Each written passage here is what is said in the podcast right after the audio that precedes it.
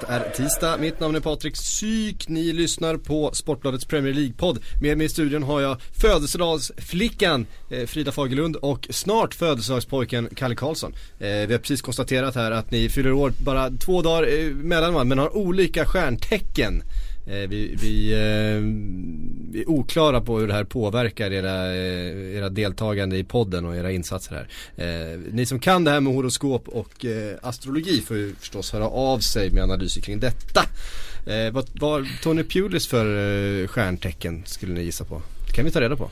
Jag kan ju inte det här med stjärntecken. Jag är inte så insatt i det men jag har ju ändå eh, förstått att det, det, finns de som tror väldigt hårt på det här. Och det fanns en gammal fotbollstränare som tränade Åtvidaberg en gång i tiden som hette Otto Dombos som kom till Västeråsen och var tränare där. Och han var ju väldigt inne på det här med stjärntecken. Och farsan hade han som tränare och eh, när de skulle spela en cupmatch en gång var borta och träna i någon hall någonstans så hade han som vanligt då tittat på stjärnorna och sådär. Och så fick han dåliga vibbar när han kom in i den där hallen. Så han avbröt träningen och tog alla spelare av planen. Och senare den dagen så rasade taket i hallen in. Åh oh, fy fan. Så efter det så finns ja, det, det något han, var, han var svårövertalad av någonting annat efter det. Han eh, hade väldigt intressanta teorier om det där. Jag tänkte någon gång när jag jobbade i Västerås att jag skulle skriva om det där. Men han hade ju teorier om beroende på vilket stjärntecken, vilken position man skulle ha på planen.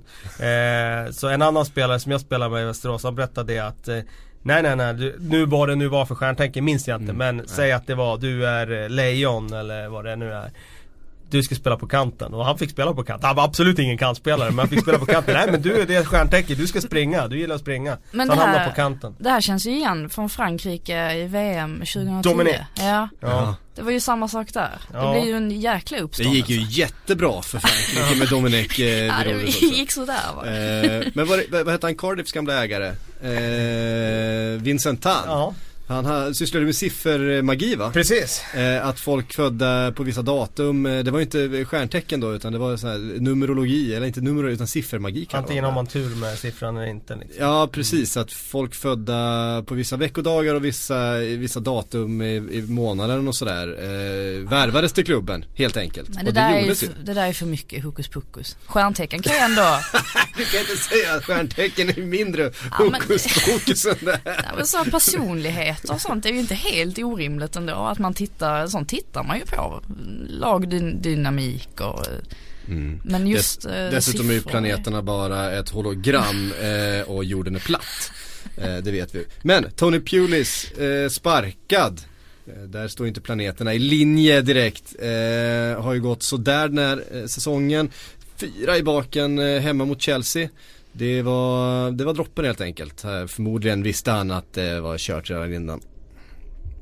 Ja, eh, man kan väl eh, ganska snabbt konstatera att om inte defensiven fungerar mm, med tanke på Tony Pulis vill, vill spela med West Brom, då har man inte så mycket kvar längre.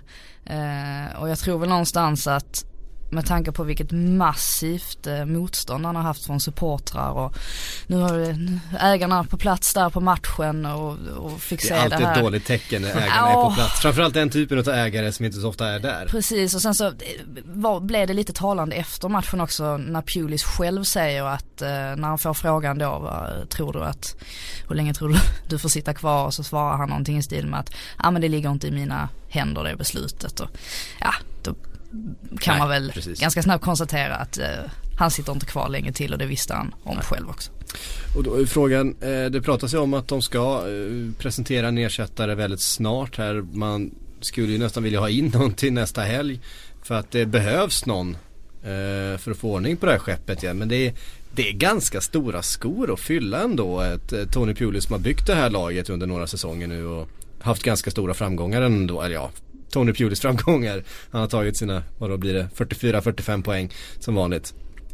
Och då är frågan, vem ska man plocka in för att dels få en förändring men också som ska kunna få ordning på just den här eh, spelargruppen? Jag tycker det är svårt för att hade de sparkat en annan tränare så hade de säkert diskuterat Tony Pulis namn eh, nu som ersättare för han har ju ett väldigt bra track record att lösa krissituationer. Det finns ju såklart en eh, skillnad här, en stor skillnad. Och det är att i det här fallet har han ju själv satt laget i den här situationen. Mm. Och eh, eh, han kan inte komma in och få den där effekten av det. att det blir en ny röst och så vidare. Eh, jag har svårt att se att det skulle komma in någon tränare med liksom storslagna planer om att spela sig ur den här krisen. En Graham Potter eller en, eh, något som liknar honom. Det, det, tror jag inte. jag tror inte heller det skulle funka med den truppen de har. De har ett väldigt begränsat material, det får man inte glömma bort. De har ett lag som passar en Sam Allardyce eller någon sån eh, figur. Så att jag skulle tro att det är någon eh, som person som kan komma in. Det som möjligen, möjligen skulle kunna öppna för något annat det är att man har sett vad Marcus Silva då har gjort när han kom in i Hall i, i våras och att det är en utländsk ägare nu som förmodligen blickar längre än de här brittiska namnen som alltid brukar vara i karusellen. Eh, kan man hitta en ny Marco Silva eh, eh, tränare någonstans så kan ju det vara en idé. Men finns det inte material ändå för att göra någonting annat? Jag tänker man har en Krusjovjak på mitten där som det, man faktiskt kan bygga ett system runt om. Han har ju inte funkat i Tony Pulis eh, sammanhanget. Men vi vet ju att det är en, en spelare av betydligt högre klass och nivå än vad vi har fått se så här långt i, i, i ligan. Menar, inte minst i Sevilla var han ju eh, Unai Emerys kanske viktigaste spelare på centralt eh, mittfält. De spelade ju en helt annan typ av fotboll. Eh, skulle en, en tränare kunna, nu är han bara inlånad också så det kanske inte är optimalt att, att komma in. Men skulle man inte kunna bygga på det. Det finns en Johnny Evans i laget som är rutinerad och har kunnat spela på många sätt. Eh, det finns, jag vet inte. Famlar efter halmstrån här för att få se ett annat eh, West Brom. Ja men jag, jag förstår vad du menar och jag kan tycka att eh, det är ju en del som säger då att ja men Tony Pulis han, man, ett, en klubb åker aldrig ur ligan med honom och sådär och, och därför var det fel att låta honom gå och de är bara inne i en svag period. Men, men jag kan någonstans tycka att det är ganska hälsosamt också att en klubb kanske inte bara nöjer sig med att vara den klubben som stannar kvar utan mm. faktiskt äh, agerar och, och ändå vill se en roligare typ av fotboll är det väl framförallt och givetvis då poängen på det. Mm. Eh, så nej men det är väl klart att man eh, absolut kan komma in en, en ny tränare och, och liva upp det här för att det, det, vi får vara ärliga det har ju sett bedrövligt ut de alltså, senaste mm. månaden. Otroligt tråkigt lag att titta på. Och sen, ja, dels otroligt tråkigt lag att titta på men sen, jag menar mot, eh, alltså Marcus Alonsos mål det markeringsspelet på en hörna så. Det är ju precis det som aldrig ska... Frispark var det va? Var det en frispark som gick ja. överlång sån där och han, han eh, slog den på ja. volley direkt in. Det är ju sånt som aldrig händer Pulis lag, att framförallt en sån boll så nära mål och eh, direkt in. Eh. Jag tror att de har släppt in flest mål på fasta situationer nu av alla lag i ligan och det, det är inte alls likt ett Tony Pulis lag. Nej. Så det är någonting där. Ja, eh, vi får ju se helt enkelt då. Det pratas om Big Sam eh, bland annat som du alltid gör i den här typen av eh, eh frågor.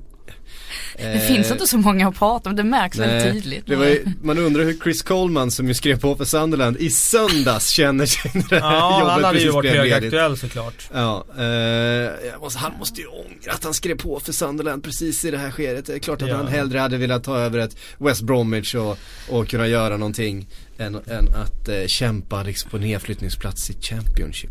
Det har väl snackats om Michael O'Neill också va? Michael O'Neill från eh, den Nordirland va? Ja exakt, jag mm. satt och tänkte på det. Är det nu, är det Irland eller Nordirland, Martin, Michael? Men det är väl Nordirland. Michael O'Neill ja. ja, ja precis. Eh, som ju förstås gjort det väldigt bra där. Eh, ja vi får se. Jag hade nog hellre ändå tagit Chris Coleman tror jag. Eh, De får bryta kontraktet. Ja, det var så. Det var så. Eh, man såg det framför sig hur han liksom satt och, och eh, gnisslade tänder hemma eh, dagen efter. Um, West Bromwich, Chelsea i alla fall. Eh, det var ju inte bara så att West Bromwich var väldigt dåliga. Chelsea var väldigt bra. Eh, Eden Hazard i en mer central roll. Eh, oerhört eh, inflytelserik under hela matchen eh, tillsammans med Morata. Ja, alldeles eh, lysande insats från Hazard. Han har ju kommit igång nu. Eh, fått en ny roll som du säger. Han är lite släpande forward. Han får flyta runt lite fritt där bakom Morata. Och ja, jag skulle säga att han är ju topp tre nu i ligan igen. Man ska komma ihåg att han var skadad länge över hela sommaren och att eh, i början här när han har kommit tillbaka så har han ändå varit väldigt bra så är det ju faktiskt en period då han liksom inte haft någon försäsong, han har inte eh, sådär. Han har varvat upp att, nu. Att, att, han, att han börjar hitta tillbaka till formen just nu det är inte konstigt alls. Nej. Nej, jag satt också till just det där med att, ja men nu när De Bruyne, eh, eller Mm. De Bruyne ursäkta, så ska man säga. När han har dominerat så mycket i höst och det har snackats mycket om, ja men Kanté och eh, de här och så glömmer man bort lite att eh, Hazard fortfarande finns och att han fortfarande är väldigt, väldigt bra. Det är kul att se att han är på väg tillbaka till den formen som han hade tidigare också. Ja, ehm, helt klart. Vi ehm, eh, konstaterar att eh, det var ju en sån där helg där eh, topp 6-lagen tog ganska eh, bekväma segrar. Men så hade vi ju ett derby också. Det där eh, i norra London och eh, det gick inte alls som, som jag hade sett framför mig i alla fall. Eh, du hade sett framför dig en Arsenal-triumf. Ja, Eh, faktiskt. jag, jag trodde inte det, men jag blev väldigt, väldigt positivt överraskad utav många utav Arsenals spelare och inte minst hur laget höll ihop och hängde ihop Eh, under hela den här matchen. För det var ju inget snack vilka som var det bättre laget.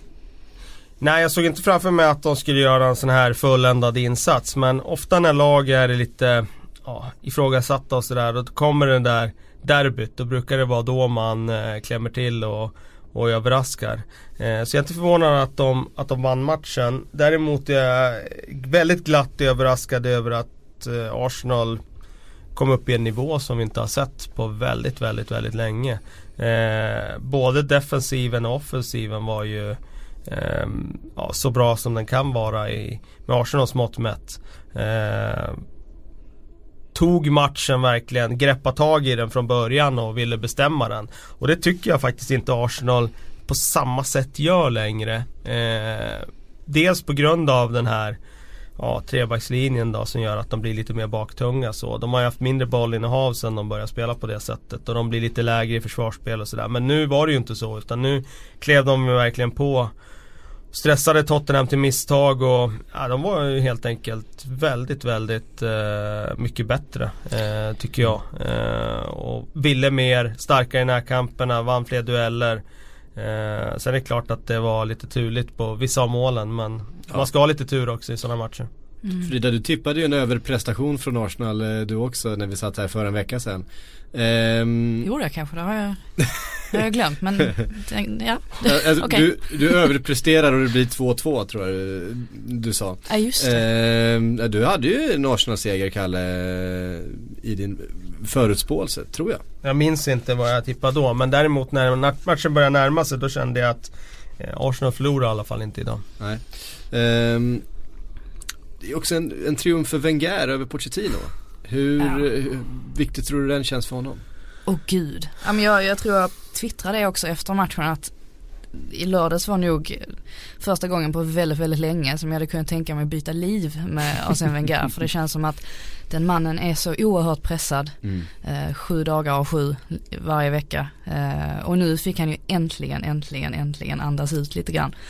Man ser ju också skillnaden när en sån som Özil till exempel som tenderar att försvinna i vissa matcher. När han är på bra humör då är ju han så fruktansvärt bra som Ja, spelare. Och vilken skillnad det blir när, när han, vi såg flera gånger under matcher och han var nere och faktiskt vann bollar. Eh, defensiva eh, närkamper. Eh, och vilken skillnad det blir på deras mittfält när han tar den, det jobbet. Att det inte blir ett hål där bredvid eh, Xhaka. Eh, det, det gör väldigt, väldigt stor skillnad.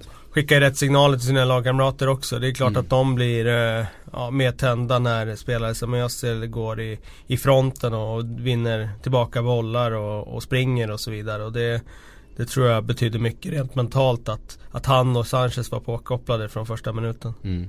Mesut Özil är alltså den spelaren som har skapat flest målchanser den här säsongen. Ja, och och det, nej, jag såg också den statistiken och då, eh, jag ska väl inte säga att man blir överraskad på något sätt egentligen, men det är väl just det där att han tenderar att vara så, vara så ojämn. Eh, att man, att då glömmer man ju Att lätt det, att det bort brister i annat. Det är det ju ofta fokus på det han inte gör då liksom. Ja, ofta exakt. i hemjobb och i inställning och att han ser lite håglös ut. Men i, i helgen var han den som sprang mest av alla på Ja. planen. Eh, och dessutom offensivt så fortsätter han ju ha väldigt eh, fin statistik då i antalet chanser som, som skapas. Och sen eh, att Lacazette startade i helgen gjorde ju ingenting heller. Nej det, det, var, det var ganska skönt eh, att han startar med honom. Eh, för, tror jag sagt det innan också. Det känns som att han, eh, Wenger då, att han skjuter sig själv lite i foten när han väljer att sätta honom på bänken. Alltså bättre in med honom i startelvan så, så får han tyst på folk lite grann också.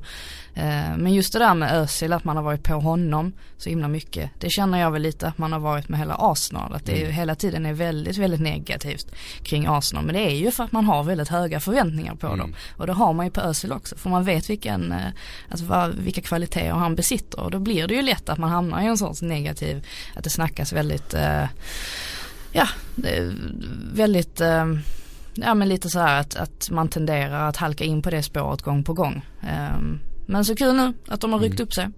Nej, men, äh, det känns som att Özil är på något sätt lite grann som i den där rollen som folk kunde ha för en 10-15 år sedan när alla inte var tvungna att och kanske delta i pressspelet över hela planen hela tiden och alla skulle springa 1,2 mil i varenda match liksom utan att ja men den här kreativa offensiva spelaren fick koncentrera sig på att vara en kreativ offensiv spelare, slå den sista passningen, vara en playmaker, eh, sköta tempot på den halvan av planen och sen så kunde andra spelare ta hand om eh, och det är väl kanske det som är skillnaden. Eh, att idag så spelar så många lag med med tio utespelare som alla deltar i försvarsspelet, som alla deltar på något sätt i anfallsspelet. Um, jag tyckte man såg den typen, mest stöseltypen inte bli utskälld på samma sätt eh, förr i tiden. Fan, Nej, det är klart det har förändrats på det sättet. Det är, så är det Många av de här hjältarna man har, det var ju inte många, inte många hemlöp som Ronaldinho gjorde eh, i sin karriär. Eh, och så vidare. Eh, inte för ja, övriga jämförelser eh, kan vi hoppa. Eh, Dele Alli Harry Kane utbytta eh, med halvtimme kvar.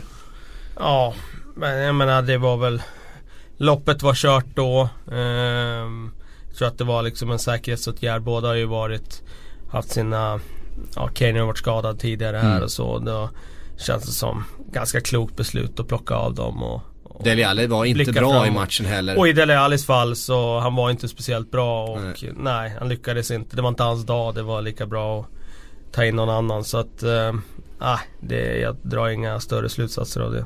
Mm. Eh, vi lämnar den då. Vi eh, fick se ett ångestmöte.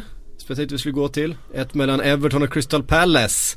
Eh, som ju bjöd på mer misstag än, eh, än faktiska prestationer och två stycken, eh, två stycken lag som fortsätter. Alltså det var ju en viktig poäng för båda två att få med sig en poäng. Det märktes ju när det stod 2-2 i halvtid. Det hände inte så mycket mer i andra. Det slutade 2-2. Eh, Omar Nias igen, den som gör målen för Everton. Han som alltså inte ens hade en, en eh, vad heter det, en sån här klubbbläser eh, med klubbemblem på en, en eh, kavaj när de skulle ta eh, göra en officiellt sponsorevent bara en vecka före ligastarten fick han dyka upp i en träningsoverallsjacka för han hade inte fått någon för han var inte liksom en del i laget. Eh, nu är han ju tokgiven eh, i det där anfallet. Eh, det ska bli intressant här att se ifall, eh, vad heter han, caretaker i Everton nu? Eh, som Moshiri. Vi, ja, precis. Nej, nej, ja du menar tränaren? Ja, ja, ja. ja. Answorth. Ja, han, precis. Eh, hur länge han blir kvar, för nu snackas det om att Everton eh, ska gå all in på Marco Silva. Eh, enligt brittisk press så finns det en prislapp på 15 miljoner pund för att köpa ut honom från Oj, kontraktet. Det, det är mycket. mycket pengar för en mm. För en tränare för en tränare som du kanske sparkar om ett år igen och inte får en spänn tillbaka så kanske måste köpa ut eh, dessutom eh, ja, det... om resultaten inte kommer. Everton ska ha erbjudit 10 men Watford vill ha 15 och det är klart de vill ju inte bli av med, med sin Marco Silva i det här eh, skedet på Nej. säsongen förstås. Men det ska vara den. Eh, Evertons ägare skulle dock haft siktet inställt på Diego Simeone men de kanske inte Oj. förstår så mycket om, om fotboll och... Eh, och eh, Lycka till! ja. Eh, och hierarkier och hur, hur det fungerar i den här världen som eh, de kanske önskar. Så att, eh, men Marco Silva ska vara Precis. det senaste budet. Det är lite, Everton är en sån svår bedömd klubb för det är ju ingen, det är ju ingen stor klubb.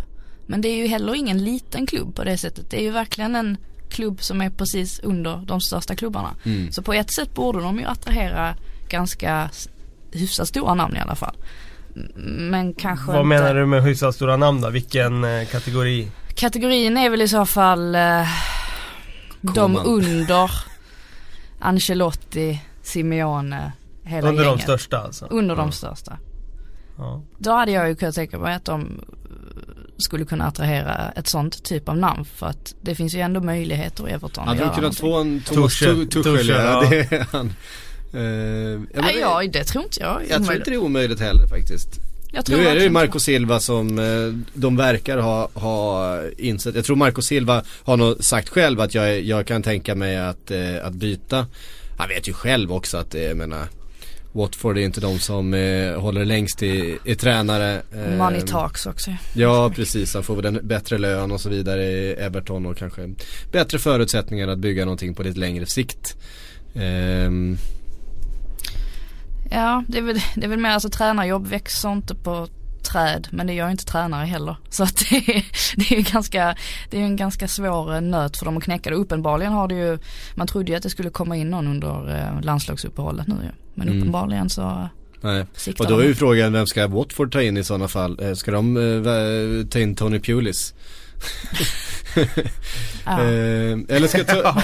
Det, är, det är det som är så roligt med den där cirkusen liksom att den ja. Karusellen går ju liksom bara runt, runt känns det som. Eller den här då, Everton tar in Tony Pulis för att rädda, rädda kontraktet och sen köper man Marco Silva efter säsongen och, och bygger med honom under sommaren. Ehm, ja, vi vet inte helt enkelt. Nej. Vi får se vad som händer. Nias, blir han avstängd där för någon filmning eller? Eh, bra fråga, Jag det har jag såg inte koll att på. den eh, snurrade förbi. Ja, det kan möjligtvis vara så. Ja, jag Eh, tror det att den utreds i intressant. alla fall. Ja. Eh, den har inte använts så mycket den, Nej. den nya regeln så det skulle vara intressant om det var så. För nu fick han ju straff för den. Ja, Mm. precis. Ehm, mm, mm, mm, mm. Manchester United Newcastle. Pogba tillbaks, så det innebär att det blir fyra mål för eh, Manchester United. Ja, vilken skillnad han gör. Mhm. får man ju säga. Eh, det, det, var, det var väl lite, både han och eh, Mourinho har väl haft lite press på sig också för att Mourinho har suttit och pratat mycket om det här, ja men våra, vi har många viktiga spelare skadade. Trots att Och- han inte vill prata om att spelare är skadade exakt. så har han pratat om att Det andra till- pratar om att Ja. spelare är skadade. Det, det kom ju till en punkt ändå, alltså det var ju till en början var han ju när det gick sådär lite, ja när det började gå lite sämre, då, då pratade han ju inte om det. Men sen ju sämre det blev, desto fler blev eh, anledningarna. Men så brukar det ju vara med honom. Ja, man, alltså den här retoriken han har. Andra pratar om att vi har skadade spelare. eh, vänta nu. Ja, Ja. lite omvänd psykologi. Men Ja, eh, mm. det Han var är ju rolig säkert, helt enkelt. Ja, han är rolig. Ja, Men det ja. blir ett helt annat tempo på bollen i, Verkligen. centralt på mittfältet när Pogba spelar och en, eh, en referenspunkt som de helt enkelt bara saknat så är det ju. Mm. Eh, vi såg också Zlatan tillbaks var någon som Jaså, no- det noterade, noterade att, att han var tillbaks och spelade fotboll. Ja. Vilken jävla bluff alltså. När vi satt här för en vecka sedan så hade vi ju ingen aning. Nej. Vi hade ju verkligen Nej, inte det har ju det var- varit extremt hysch om det där och frågan är varför? För jag kan inte minnas att någon comeback på den här nivån liksom i toppfotbollen har omgärdats av sån hysch-hysch liksom. Och vad spel, och, och liksom vad, vad vinner de på det?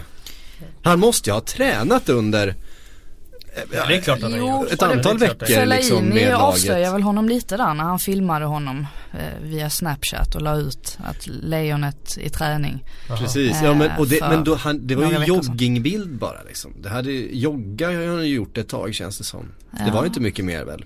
Nej, men man får ju säga att eh, ska jag försöka eh, lansera mitt varumärke så vill jag ju ha Zlatans crew. För att eh, så Ja. som eh, de har byggt upp det här eh, och, och fått det, fick ju verkligen den här comebacken till att bli århundradets händelse i princip. Alltså Mm. det, är- det är bra jobbat jag säga. Hur, trött, hur trötta är ni på att Zlatan jämför sig med ett lejon?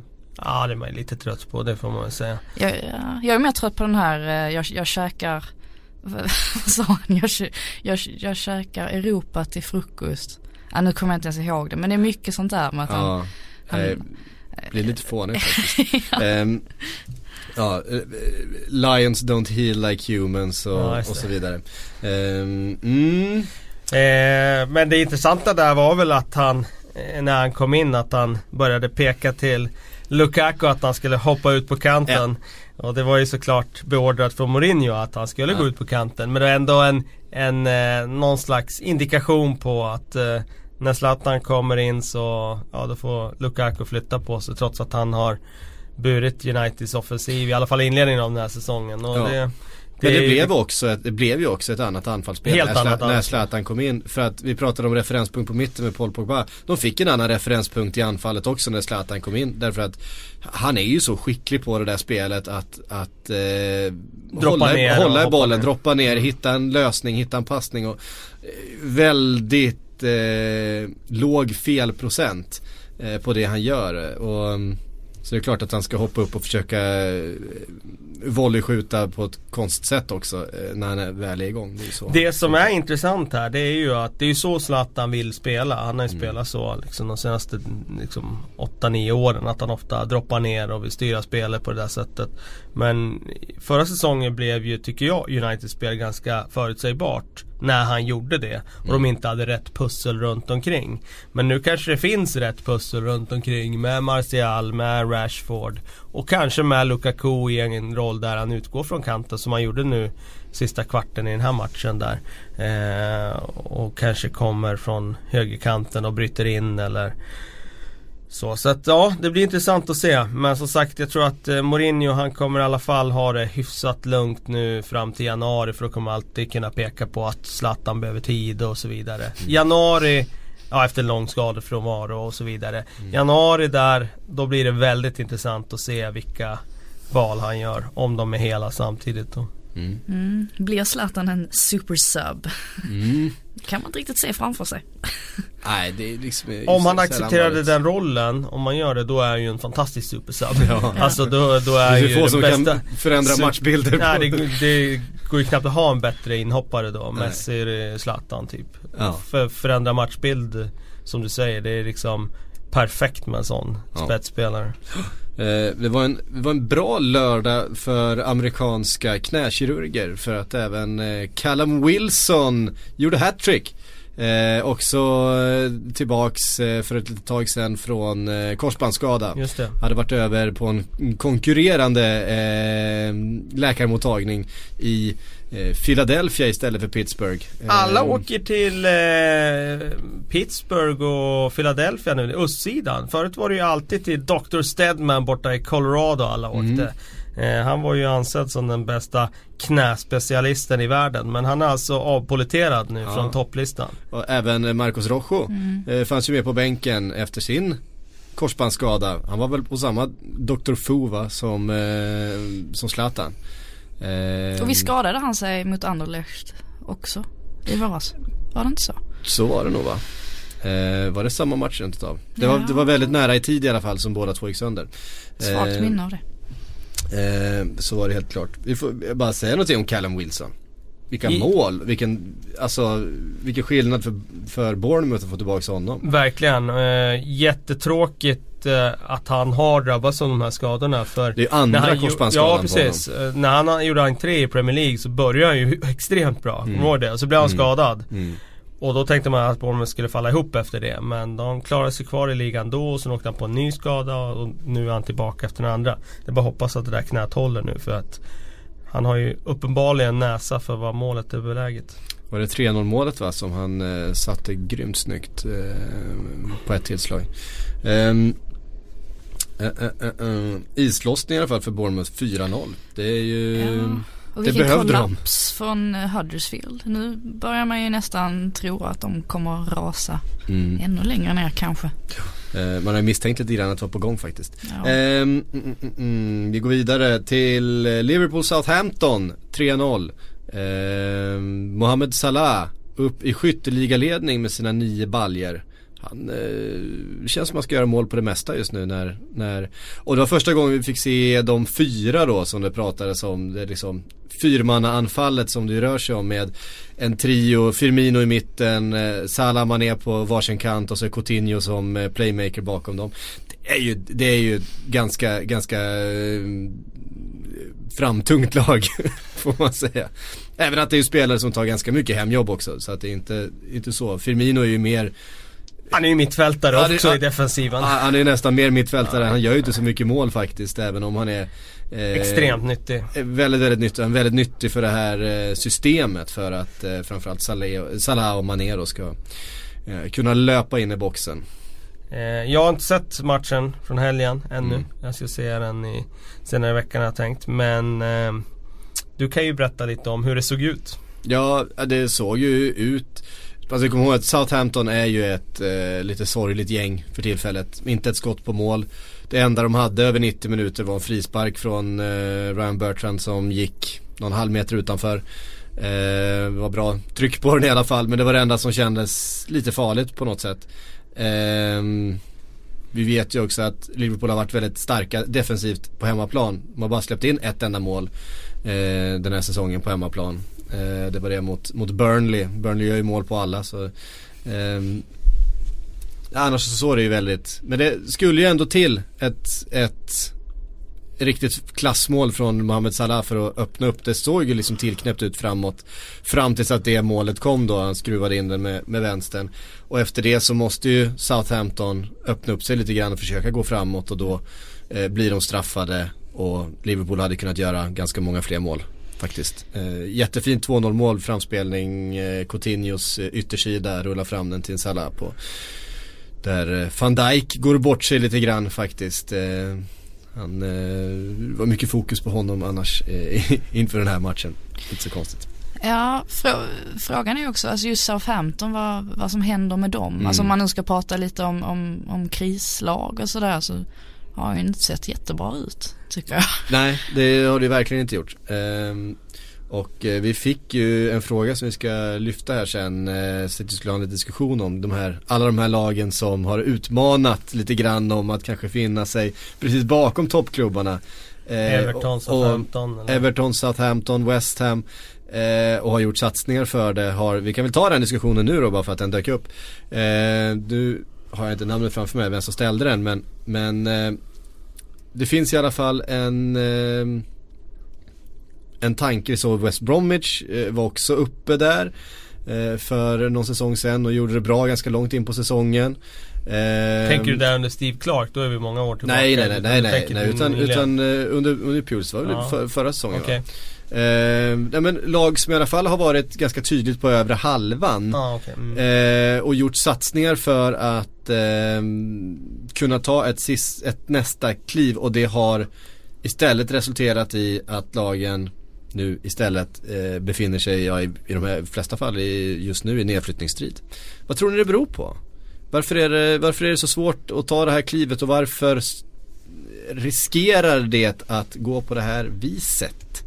Att det är svårt att ta klivet handlar ju mycket om att eh, det ser utkristalliserat vilka klubbar det är som har eh, eh, status nog för att vara där uppe. När du väl börjar nosa om att vara där uppe då blir spelarna intressanta för andra klubbar och så tar de steget och, och så lämnar de. Eh, så det är det svåra som gör att det är, liksom, murarna är för höga. Det enda sättet du kan nå dit det är om du har väldigt mycket pengar så du kan höja lönerna. Då kan du locka spelarna kvar genom att du har höga löner.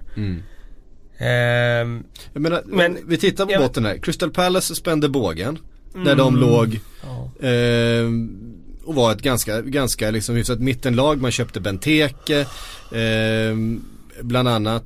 De ligger tvärsist.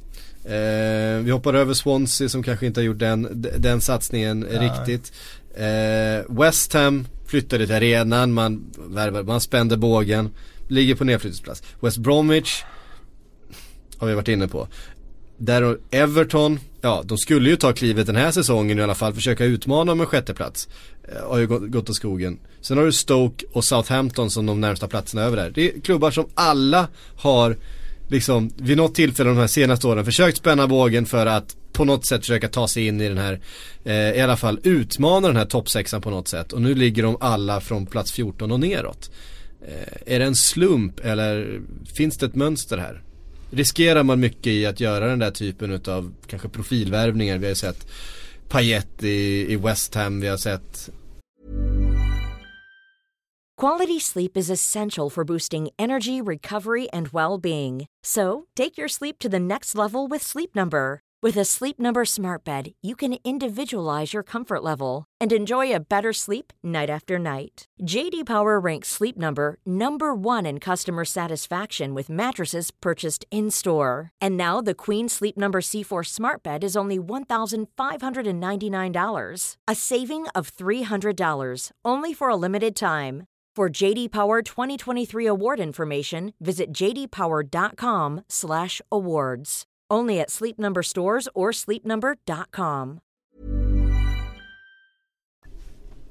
Nej, men jag, jag kan inte se att det liksom att du riskerar någonting genom att värva Payet och så är han superbra och så går han till Marseille. Alltså, du tjänar liksom pengar på, på en värvning så det, Jag kan inte säga att du riskerar något. Vad är alternativet? Att du värvar Burnley-spelare och sen är du liksom eh, bara slätstruket år efter år och sen Eh, ligger du där i mitten. Nu är ju mm. inte Burnley slätstruket i år utan nu är ju de Nu är det de som, nu, gör, nu är de som gör den här resan istället. Och, mm. Men jag menar de kommer ju inte hänga kvar där uppe i toppen. De kan ju ligga i botten nästa år. Så det, jag, jag tror att det bara är, alltså, det är så det är. Det mm. Du har en sexa som är där uppe som är alldeles för bra och sen resten de kan flytta runt egentligen på de övriga 14 platserna i, i tabellen lite hur som. Och sen är det klart att vi någonstans tycker att lag som Everton och SA-15 och så som har tradition och som har legat mm. några år i högsta ligan att de ska hålla till på platserna runt mitten. Men det är klart, fel tränarrekrytering, fel eh, eh, liksom spelarrekrytering, lite otur med skador och så vidare. Då, då kan du halka ner dit. Det är mm. inte större skillnad än så. Mm. Kan ju nämna då Watford West Ham 2-0. Richarlison gjorde mål igen. Eh, Watford som ju förlorat några matcher här eh, senaste. Tog en ganska skön trea tror jag. Vi Men, måste ju nämna vem som gjorde 1-0 målet också. Ja, Will Hughes. Han spelade även fram eh, 2-0 målet. Den evige talangen som eh, aldrig tycks blomma ut. Kanske är det hans tur nu då. Jag blev ju chockad när jag såg att han bara är 22. ja det, det blir jag också Ja det känns som att hans namn har, det känns som, ja men han var ju, han var ju bara 16 när han, eh, när han slog igenom i, ja. i, eh, Men ändå. i Derby. Um, ja, det, det, det, det, har ju aldrig riktigt hänt för honom om man säger så. Då, skulle, då var han ju på gång till alla de stora klubbarna. Eh, avvaktade, stannade kvar för att få speltid och så vidare. Och sen så ja. ja lyckades det inte riktigt eh, hela vägen. Men var väl bra i U21-EM i somras för England. Eh, bland annat vill jag minnas. Eh, vi får väl se då. Men ja men precis. David Moyes Effekten eh, uteblev. West Ham. Moyes-effekten uteblev. ja, jag vet inte vilken effekt man hade väntat sig egentligen. Men eh, nej, det, det, så, det såg ju väldigt, eh, väldigt fantasilöst och eh, liksom inte ens eh, inte ens särskilt bra defensivt och det var liksom inte Nej, där hade man ju verkligen velat se. Jag menar, där har du ju spelare som vi har hyllat tidigare säsonger i Winston Reed till exempel som ju inte alls har kommit upp i nivå ja, den här. riktigt svag form den här ja. hösten alltså. Men, men, men varvat in en Sabaleta som ju ska kunna spela på lite högre nivå som Man också har varit det. helt katastrofal i vissa matcher här. Eh, alltså det känns som att, fan de hade ju borde ta in Pulis att bara liksom piska igång det här försvaret och sluta släppa in bollar liksom. Ja, jag tror inte det hade varit fel faktiskt. Det, och ni som har lyssnat på den här podden vet ju att jag inte varit någon superfan av David Moyes. Eh, egentligen någon gång förutom när han ja, Första delen av hans Everton sejour Och jag har inte så stort förtroende för honom. Nej. Så. Eh, så det, ja, eh, jag hade ju hellre, hade jag varit West Ham hade jag ju hellre sett Tony Pulis där än, än David Moyes. Mm. Men nu har de David Moyes, så nu får de stå sitt kast. Eh, vi får väl se eh, vart det landar för dem. Det öppnar ju inte helt, eh, helt övertygande. Eh, Nej, det, man, man, vill ju gärna ha den där injektionen annars som man mm. brukar mm. få så här när man, när man byter mm. tränare. Så går det bra eh, i början, mm. nästan alltid. Men det, ja, vem är bäst på att eh, få till en sån här injektion? Det skulle ju nästan vara Sam Allardyce brukar ha en förmåga att verkligen få till en, en eh, ett litet skutt när han har klivit in. Alltså det också... blir alltid en, det blir alltid en förändring på något sätt i mentalitet när man byter tränare. Par, måste... Pardew brukar också vara väldigt, väldigt bra precis i början på sina ja. sessioner. Nej men jag tror alla tränare kan få en injektion bara genom att komma in med en ny röst. Men sen det är ju vad som händer sen som är det intressanta. Sen ja. är det faktiskt så att Vissa får ju inte den där injektionen i första matchen Men får den sen. Jag menar Paul Clement vann ju inte sin första match i Swansea. Det såg hopplöst ut. Men sen ja. några veckor senare så så började de ta poäng så att mm. man får inte läsa in för mycket heller. Nej, Crystal Palace lika så får man ju nämna också. Ja, han kom ju in i ett ganska svettigt läge. De skulle möta typ Manchester City och sen Tottenham borta tror jag. Mm. I sina första matcher. Det var, det var inte snällt mot Roy. Roy-effekten. Ehm, ja, Burnley har vi ju varit inne på här. De eh, fortsätter att vinna fotbollsmatcher. 2-0 mot Swansea. Ehm, stabilt. Det, han har ju byggt ett, ett, ett, eh, ett riktigt lag. Sean Dyche. Ja, eh, jag har sagt det tidigare, tappar viktiga spelare inför den här säsongen. Mm. Men jag skulle säga att laget är ju bättre nu än vad han har haft tidigare. Alltså inga svaga länkar längre utan känns som att de har höjt lägsta nivån i den där startelvan istället. Jag har ingen Michael Keane där bak men Tarkovsky har ju varit jättebra där bak istället då. Och, eh, fortfarande eh, ett ganska rakt enkelt spel. Men framförallt ett kollektiv som jobbar extremt hårt när de tappar boll och det gör ju att de blir väldigt svåra att, att göra mål på. Mm.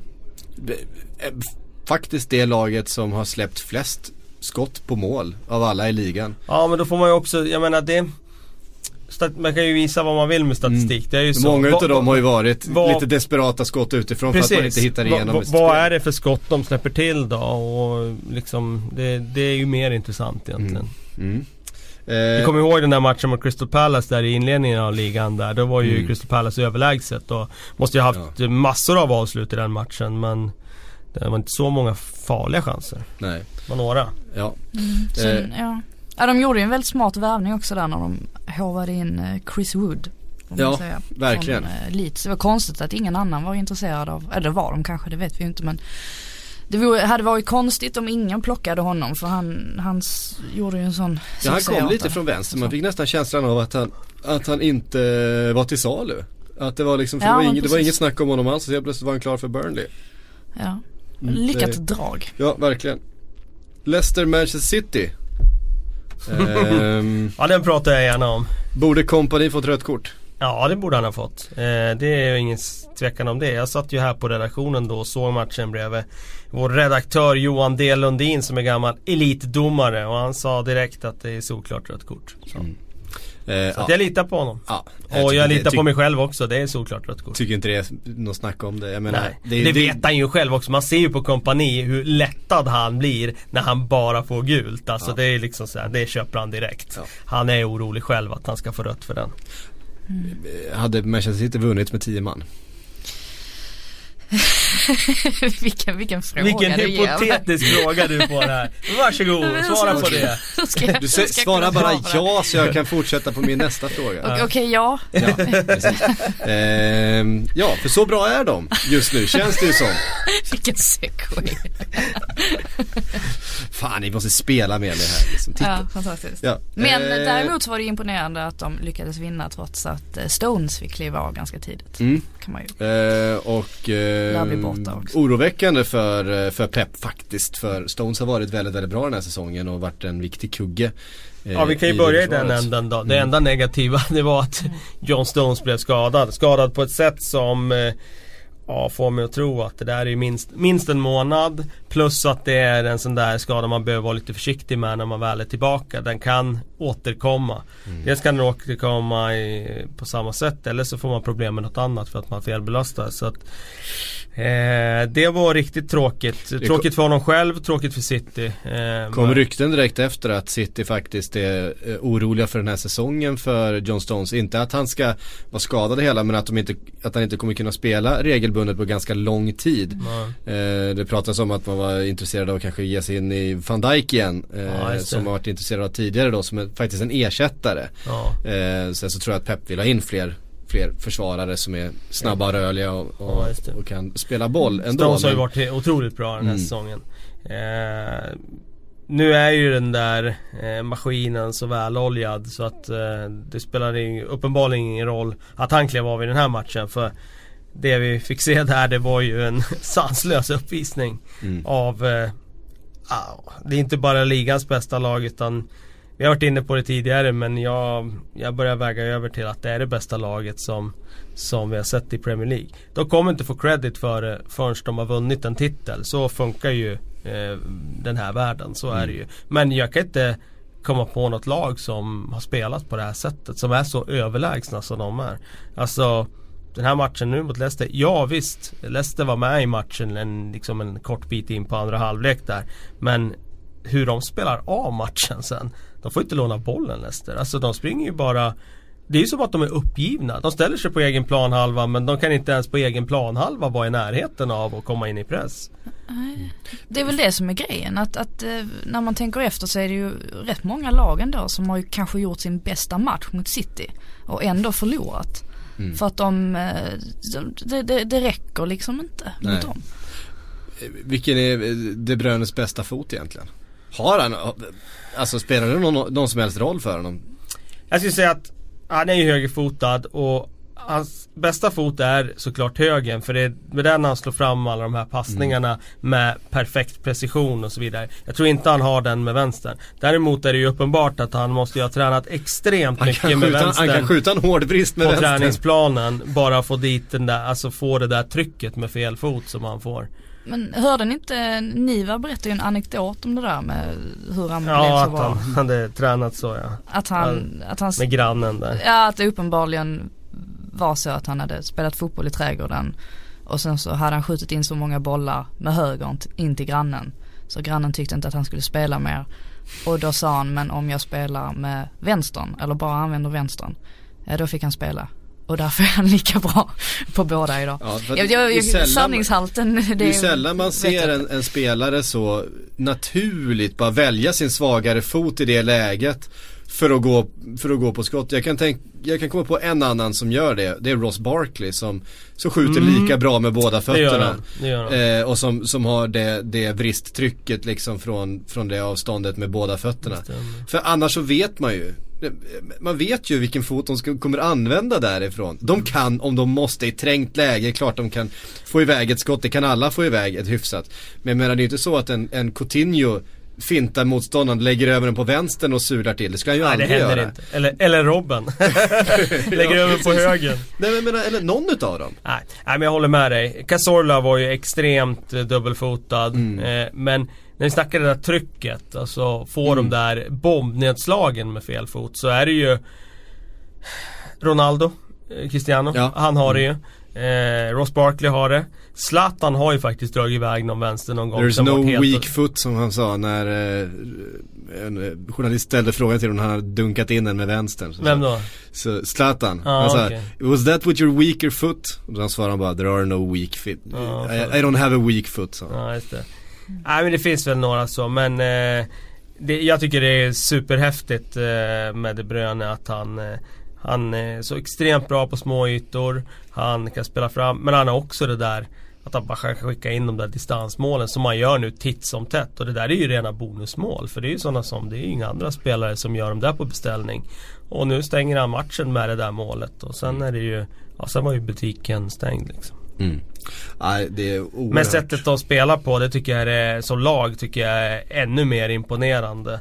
Eh, så Hatten av för Pep. Jag vet att det är många som eh, Kanske är lite negativt inställda till Pep sådär men Nu måste han få credit för För det han gör med, med Manchester City. Det är, Då spelar han fotboll som eh, Ja det är, det är njutbart att bara titta på den vecka efter vecka. Fabian Delf har ju nu gått från att vara längst in i frysboxen och liksom lite sådär hånad att Mm. varför gick han dit till att vara Ja, ligans bästa vänsterback. I det just den rollen han har nu. Mm. Indragen, går in i mitten när han behöver göra det. Och är väldigt han- deltagande Ja. i spelet. Men han, jag menar han hade ju väldigt många liksom lägen där han hamnade en mot en nu mot Riyad Mahrez och Mm. klarade det väldigt bra defensivt Ja. också. Så ja, han har ju varit eh, fenomenal där nu. Ja, för det, det, det är ju det man får komma ihåg också att eh, de har ju haft en del skador faktiskt. Det, Mm. det glömmer man lätt bort. Eh, Ja men som Mendy liksom som försvann och nu, nu Stones och Agüero var borta. Men det, det, märks ändå inte speciellt mycket i deras lag och det är ju, det säger ju ganska mycket. Det är ju fantastisk styrka att ha den kvaliteten på hela truppen. Verkligen. Ja, ehm, ja det är ju som sagt skulle, ingen skulle bli förvånad om någon berättade för en idag att det här Manchester City-laget slår ett nytt poängrekord i Premier League den här säsongen. Ehm, Ja när ska de förlora? Det är frågan. ja, det, det är verkligen bara så, så det känns. Kommer säkert någon förlust här i liksom december när det är Eh, tajt i jul- matchande och sådär. och- Någon dag när bollen inte Mm. studsar deras väg och någon gör ett mål på en fast situation eller tidigt i matchen och så får de inte in den. Jag tror att de kommer förlora någon match. Men eh, det är ju sättet de spelar på och precis som du säger Blir det ett poängrekord Ja men det är ju mer imponerande tycker jag än att gå eh, utan att förlora någon match. Mm. Ja, Manchester-derbyt kändes ju hett förra året men nu kokar det ju nästan liksom Ja. inför det här decembermötet. Ja precis. Och det du var inne på där med att inte vara, att vara obesegrad. Vi såg ju ett Manchester United lägga upp sin längsta obesegrade svit i en, i en period då vi kritiserade dem. Ja. Och inte tyckte de spelade bra Förra alls utan det var ja. massa 0-0 matcher. Ja, förra. Eh, och ändå så satte Eller de förra ett, vintern var förra, det. förra vintern Ja, var det. förra vintern. satte de ett nytt eh, klubbrekord liksom i antal matcher utan förlust Och, och det rad. sjuka med det, det var ju att de hade ju knappt klättrat i tabellen under den tiden. De låg väl sexa när det där började och de låg sexa efteråt Det också. var oerhört mycket oavgjorda matcher. Ja. Ehm, och det ska man ju komma ihåg med Arsenals Invincibles också att det var rätt många oavgjorda Ja, matcher var det under, den, det under den säsongen. Uh, uh, uh, hörde ni, ett bud har presenterats för Mike Ashley. Eh, 300 miljoner pund Den, pratas den har om. vi inte hört för. Eh, Amanda Stevely är det ju. Det är ju hon som köper klubban nu för tiden. Ja. Hon sitter på degen. Eh, det är lite oklart vem eh, det är. Det är ju det här, det är ju hon som ska ha lagt då budet. Eh, men vi vet ju att hon företräder en grupp som heter PCP Capital Partners. Som bland annat har eh, mäklat försäljningen utav Manchester City eh, till Sheikh Mansour. Man har också mäklat försäljningen utav den här banken Barclays till eh, Abu Dhabis och Qatars kungliga familjer. Så att det är ju eh, eh den, de har ju starka kopplingar då till eh, Qatars investeringsfond och sådana där saker. Det är de som eh, samarbetar med det här företaget som då eh, Amanda Stevely eh, representerar eller eh, styr det företaget helt enkelt. Eh, så vi får väl se, vi vet inte riktigt. Det är väl, det känns väl som, hon har väl sig gjort en del investeringar privat. Alltså själv också, eller det företaget har gjort egna investeringar. Men eh, vi eh, undrar väl vem utav, utav eh, oljeshejkerna det är som ligger bakom budet nu och vem som faktiskt kommer äga Newcastle om det är så att Mike Ashley väljer att sälja. Ja, och det väljer han väl att göra. Får han, eh, om det nu stämmer att han, kommer jag inte ihåg, det var en ganska hög summa. 300, 300 miljoner pund. Ja, eh, jag tror inte han tackar nej direkt med tanke på att han har försökt sälja klubben x antal gånger tidigare. Jag tror däremot han kommer försöka få upp priset ännu lite mer. Det Sägs att han vill ha säkert. 400. Det sägs att han vill ha 400 förstås. Eh, därför att det är en förhandling som han kommer pressa ända in i eh, kaklet. För att eh, det är så man gör i affärsvärlden. Och affärsman, det är han. Eh, onekligen. Ehm, vad skulle det här få för, alltså hur ser ni på en, den här typen av övertagare utav Newcastle eh, just nu? Eh, är det en ny Manchester City supersatsning? Finns det plats för ett till för en till sån här satsning i Premier League? Eh, vi har redan sex stycken klubbar som liksom ligger i topp vadå 11 i världen på eh, största eh, pengakistorna med miljardärsägare och så vidare. Eh, finns det plats för en till? Ja, det är klart det finns plats för en till. Eh, det är klart att eh, det finns det. Jag menar det finns ju spelare runt om i Europa som de såklart skulle kunna attrahera dit. Men det är återigen det där. Det är väldigt höga murar för att slå sig in. Jag menar ska de upp där och verkligen börja liksom utmana. Är det en spelare i deras startelva idag som ens skulle gå in i något topp 6-lag? Nej. Ja, mittback i Liverpool kanske, Lachelle då. Ja. Ja, det är en. Men det är Liverpool där Ja. vem som helst skulle gå in som mittback. Så att det blir ju ändå sådär det är sådana extrema pengar som måste till Mm. om du ska liksom verkligen upp och slåss på, på allvar. Och det har ju Citys satsning visat att Och det tar lång tid. det tar lång tid. Så att, eh, ah, det är klart att det finns plats för det. Eh, men eh, sen om det blir lyckat, det är en helt annan sak. Mm. Vi har ju sett några eh, av den här typen tidigare i, i, i, i England som ju har gått eh, riktigt åt skogen. Kommer Sen- ni ihåg Portsmouth-satsningen? Snacka fiasko. Sen handlar det ju också om hur mycket pengar har ägaren liksom. Har de så mycket som Citys ägare har, ja men då finns det ju ingen botten i den där kistan. Alltså då, då, då är det ju obegränsat och då kommer man ju nå toppen förr eller senare för att misslyckas man ett år, ja men då lägger man bara ännu mer nästa år. Mm. Misslyckas man igen, ja men då lägger man ännu mer till liksom nästa år igen. Och jag vet inte om det är så mycket pengar eh, den Nej, det är lite, har. som jag har fått fram det är alltså Det är den här kvinnan, men det är hon som står som, eh, som front för det här budet Ja, det det är är en ingen annan. investerargrupp liksom Eh, bakom eller? Ja, och det, hon, hon driver då PCP Capital Partners så då handlar det om att det är Abu Dhabi och eh, Qatars investeringsfond som då också finansierar PSG till exempel. Ehm, alltså Qatar, det är, det är rörigt för att det är Ja. olika företag och det är olika men pengarna kommer i grund och botten från samma ställe. Det kommer från Abu Dhabi och Ja, Qatar. de kommer därifrån. Ja. Ja. Då kan man ju ana att det finns mycket pengar. Då. Ja. Mm. Ehm, eller om det är så att den här, det här företaget som hon företräder då har gjort sina egna pengar nu efter att ha förmedlat eh, ett antal eh, eh, Ja, det, det är lite oklart. Ja, vi, vi, får, vi får läsa in oss ännu mer på det här exakt vad, vem det är. Men det är hon som står som front i alla fall på eh, för det här just nu. Ja, då har vi i alla fall eh, adresserat den här eh, nyheten som eh, kittlar Fredrik Jönsson något alldeles vansinnigt nu för eh, Newcastle-supportrarna Han, hatar ju Mike Ashley. Jag kan Eh. säga att han, han, han skrek ut sin glädje igår. Ja, eh, han, han fick eh, beskedet. Alltså om greve, om greve Dracula hade kommit med ett, med ett bud nu så hade de ju tagit det för, för att ha kvar Mike Ashley, så är det. Ehm, vi tar lite frågor. Fredrik Hallerström eh, vill att vi ska prata lite grann om Andreas Christians, Christensen. Två år yngre än Lindelöf och mycket bättre skriver han.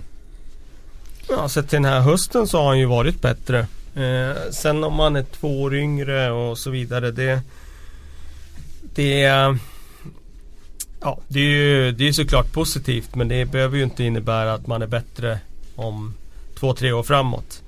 Eh, det vet man ju inte. Vi har ju sett 17-18-åringar som är helt otroliga när de kommer fram. Eh, som är marginellt bättre eller till och med sämre när de är 25. Så att eh, Men eh, Christensen har varit bra. Jag gillar det jag har sett. Och han känns som en spelare, vi har sagt det tidigare, som kan bli ordinarie där på allvar och ersätta de här eh, liksom K-Hills och sådana spelare som varit där ett tag.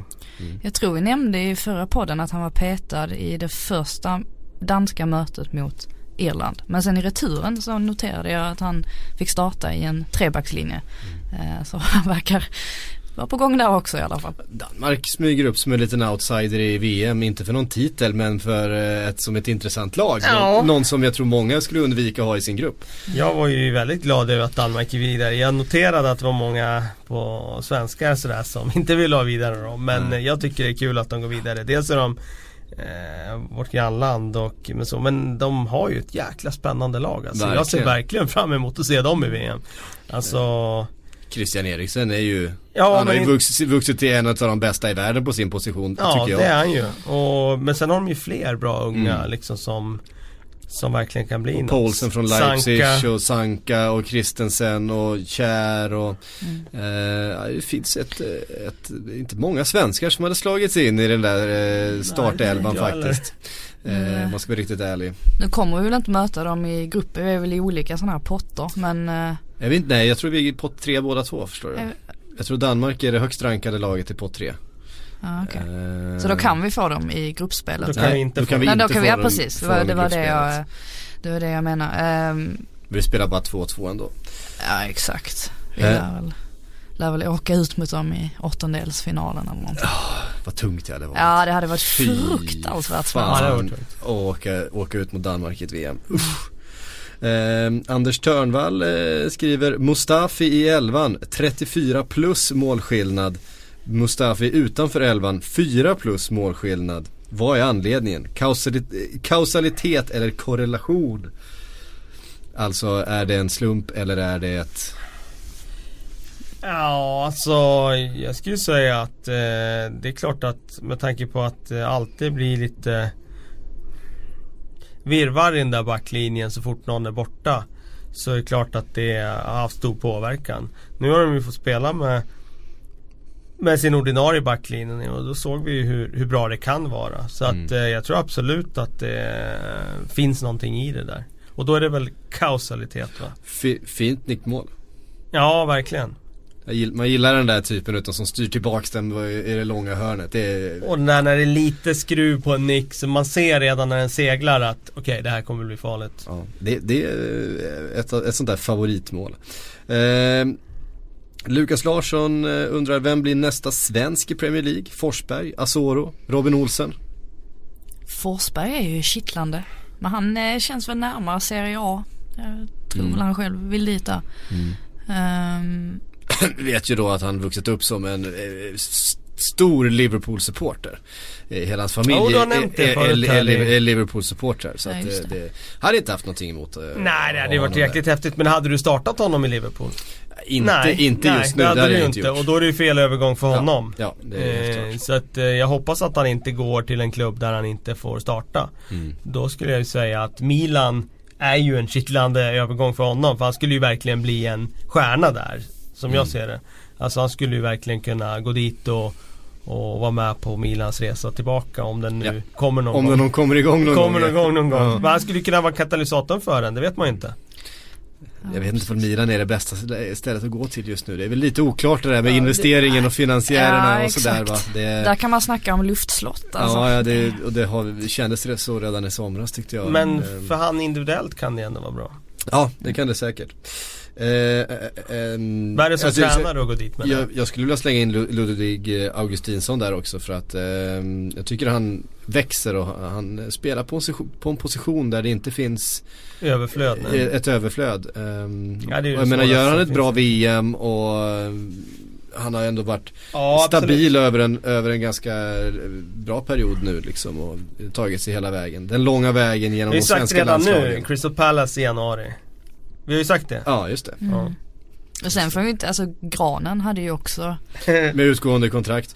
Eh, Ja. Vi var inne på hans eh, höga lön där. Jag tog, räknade fel lite grann i min uträkning eh, tror jag. Men han ligger på runt 75 000 pund i veckan. Okej. Nu, han tackade ju nej till en eh, lön på 40 miljoner efter skatt. Eh, svenska kronor. Oj. Eh, om året. Oj. Och då landar man på ungefär 100 miljoner pund. För att jag tror det är 10 eller 15 procent skatt i Ryssland. Eller 100 000 pund i Ja, veckan jag landar man på då. Så att nu har han 30 miljoner pund efter skatt om året. Eh, och då landar man på ungefär 75 000 pund. Vet ni vad Harry Kane tjänar till exempel? Nej, han har ju säkert eh, 90 då. Ja, jag tror han har 60. Ja 60 precis. till och med. Jag tror han, Granen tjänar mer än Harry Kane. Ja, det... Så att det är ju bara de, eh, alltså om man ska behålla den lönen i England Då är det ju faktiskt inte sådär jättemånga klubbar som kan betala den För så hög lön Nej men det kan han ju inte räkna där. med. Då får han ju gå ner i lön. Det är ju, så är det ju. Ett sånt roligt, roligt citat, eh, Ståle Solbacken De Ja, hade gjort ett säga. försök att värva honom i somras till eh, FC Köpenhamn Eh, Men så hade han fått se, se lönen och då sa han att Shit, han tjänar ju lika mycket som hela vårt lag gör tillsammans Ja. Det Helt. Eh, Hela truppen var Ja, jag, ja, he- hela truppen tjänade lika mycket som Granqvist gjorde helt Eh. Så att, eh, ja Finns ju Det ska- finns pengar i Ryssland. Det finns pengar i Ryssland. Ja, det. går man till, går man, har man rätt agent och går till rätt klubb i rätt läge. Och då- var kommer de pengarna ifrån? Det skulle vara intressant att veta. På tal om var pengar kommer ifrån. Exakt. Follow the money. Ehm, Pengar luktar inte annons.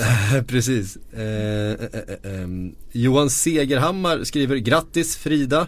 Eh, ni borde absolut prata om skillnader mellan hur media vinklar situationen hos olika topplagen i Premier League. Chelsea och Arsenal är i kaos medan Liverpool och Spurs går som tåget och är i fantastisk form och välmående. Men det är inte så stor skillnad i tabellen. Eh, ja, framförallt Spurs har ju hyllats väldigt mycket som kanske det enda laget som skulle kunna utmana City och så vidare. Ja, men jag kan ta upp den pucken för jag gör det gärna. Jag, Mm. jag tror att det handlar väldigt mycket om att alltså, journalistik eh, av idag, hjulen snurrar väldigt, väldigt fort. Det är liksom här och nu som gäller. Det är inte eh, Det finns inte någon tid för att vara liksom eh, mitt emellan utan det är himmel eller helvete. Grejer som ska skrivas, grejer ska rapporteras och så där är det över hela världen. Och det blir det ju att det, det antingen är det svart eller vitt. Och har Chelsea förlorat tre raka matcher, Antonio Conte har ett bråk med, med dem ovanför sig i Chelsea. Ja men det är liksom en, ett, ett litet eh, liksom fläskben till att det kan vara en kris där och då blir det de där rubrikerna, då blir det den liksom rapporteringen kring dem. Och då behöver det inte skilja så många poäng i tabellen utan det är bara här och nu är det så och därför är det det som rapporteras världen över. Och sen kan det vara helt förbytt om några veckor för då har de vunnit två matcher i rad och då ser tabellen betydligt positivare ut. Så att tror det är bara ett tecken i tiden att det är så liksom hela landskapet fungerar idag.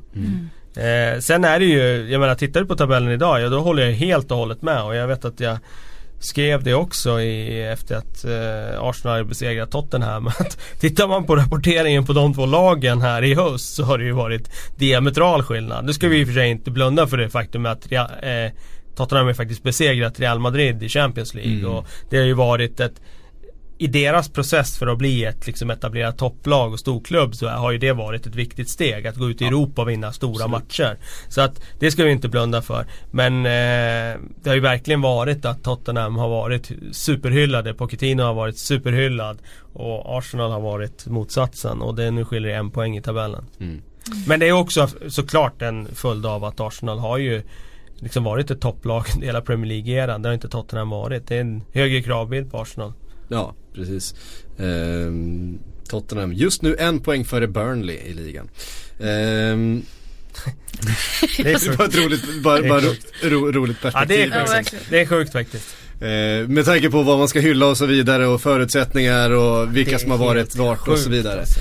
Eh, men eh, Det är sinnes. så är det faktiskt. Eh, Gustav Niläng skriver Grattis Frida Fagerlund, poddens egen Mo Salah. Oj, Kom in till säsongen och har lyft saker tillbaka till sina glory days. vi, vi, vilken, vilken hyll, jag kom helt av mig. Vilken, var fina ord. tack så mycket. Eh, det är bara att instämma. Ska något lag ovanför Everton räknas till bottenstrid eller kommer en bottenfemman nu cementeras kommande veckor? Jag tror att vi kommer få se den där bottenfemman byta skepnad ganska Ja. många gånger för att lag kommer gå in och ur i formtoppar och formsvackor och så många poäng är det inte som skiljer. Nej, jag tror fortfarande att Crystal Palace klarar sig. Jag vet, jag vet inte när jag ska sluta tro det men eh, Jag tror kanske att Crystal Palace är, är, kan potentiellt vara det laget som vi ser där nere hela tiden. ja, det Ehm, kanske är för sent ändå. Men eh, jag vet inte, med tanke på hur de har spelat nu de senaste omgångarna så känns det konstigt att de ligger där Jag ser ju till exempel som vi var inne på att Huddersfield skulle kunna rasa ner Ja. i, ibland dem. Ehm, och ett, ehm, ja, ett Everton som får lite fart kanske med en ny tränare snart här. Uh, hamnar på säker mark. Moyes som får, som får ordning på West Ham. Kanske vi inte ska hoppas för mycket på. Men mm. Ja, de borde inte åka ut i alla fall. Varför att det är din födelsedag ska du få en speciell fråga här också Frida. Eh, från Johan Zetterblom. Eh, låt Frida gå loss på Charltons match mot Rochdale ikväll. Känns som en given hemmaseger mot ett bortasvagt eh, Rochdale. Oj, Charlton alltså. Ja, de, det har ju faktiskt gått ganska hyfsat ändå för dem den här säsongen. Det har ju varit så mycket nu de senaste åren med allt det här, eh, alltså bojkotten. Eh, jättemånga fans som har haft eh, haft årskort i 20 år som har slutat gå på matcherna för att de är så fruktansvärt emot den här eh, belgaren som styr, eh, du Châtelet. Eh, Men nu verkar det gå ganska hyfsat ändå och då blir det ju då blir det svårt för supportrarna. Man, man börjar gå nu då ska man. Eh, Men eh, Nej, Rochdale ska man ju slå. Ja det tycker jag och det är, det är ju trist ändå att de, att de ändå har blivit någon sorts League One-lag. De ska ju inte ligga där, de ska ligga Championship i alla Mm. fall. Eh, Ja det tycker jag också. och det var ju, var ju ett sånt fruktansvärt tapp där. Eh, där de ändå gick ganska bra större delen av 2000-talet. Och sen bara har det gått käpprätt åt eh, Vem var det som spelade flera år i Charlton? Pringle. Ja, Martin Pringle ja, precis. Och sen var det ju när Aida Revic eh, kom till eh, Charlton i den här, det var ju då när Du Châtelet tog över Charlton. Eh, så skulle de liksom då ha någon sorts belgisk inflation så han plockade ju dit en massa spelare från Standard Liège. Som han också äger, eller en bit eller en del eller hur det är. Och det var ju där det började gå dåligt. Eh, så vi får skylla lite på Aida Revic också. Han försvann Finns ganska alltid en snabbt. belgare att skylla på känner jag. eh, Han är stökig den där du Châtelet. Alltså det har ju varit, att han har haft massa klubbar och grejer där han har stökat runt. mm. Nej, jävligt oklar snubbe känner jag. Typisk belgare. Um, hörni, det var faktiskt allt vi hann. Hade du något mer att säga om Charlton? Ja, du kan hålla på här hela kvällen kanske. Ja, jag kan eh, sitta en timme till och det är inga problem faktiskt. Eh, Men det är faktiskt, klockan har blivit jätte, jättemycket. Ehm, och vi ska se här, det är snökaos i Stockholm så vi eh, måste ju förbereda en, eh, en hemfärd här också ute i förorterna. Jag ska jobba så att det Ja. Ehm, tack Kalle, tack Frida för att ni kom hit. Tack för att ni har lyssnat. Ehm, ikväll är det Champions League va? Ja, det är det. Det kan vi i alla fall ha sagt en gång så att vi, vi framstår som att vi har koll på det som händer framåt också, inte bara bakåt. Eh, tack för att eh, ni alla har varit här. Eh, vi hörs om en vecka igen.